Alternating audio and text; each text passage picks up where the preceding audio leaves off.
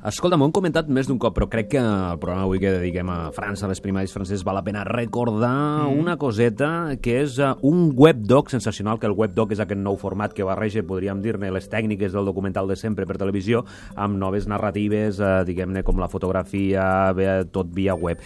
Jur de vot, eh? dia de votació, on, uh, diguem-ne, som un spin doctor que pot escollir un dels nostres diputats a l'Assemblea Nacional Francesa.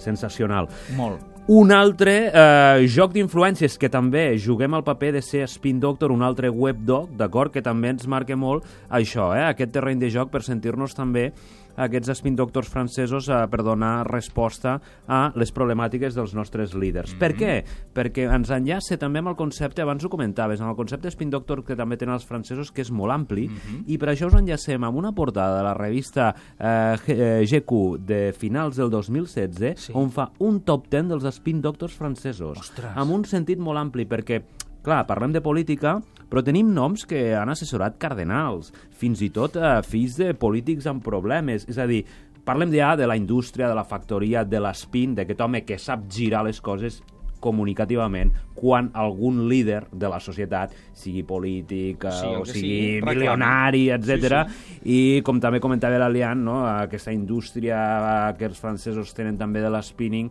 doncs eh, posa manifest aquesta portada amb aquest top 10 dels spin doctors I que fa francesos. xup-xup i que ja triguem a tenir-lo ja penjat perquè ens hi veurem. Gràcies. Xesco. Pengem tot, ja ho sabeu, al web del programa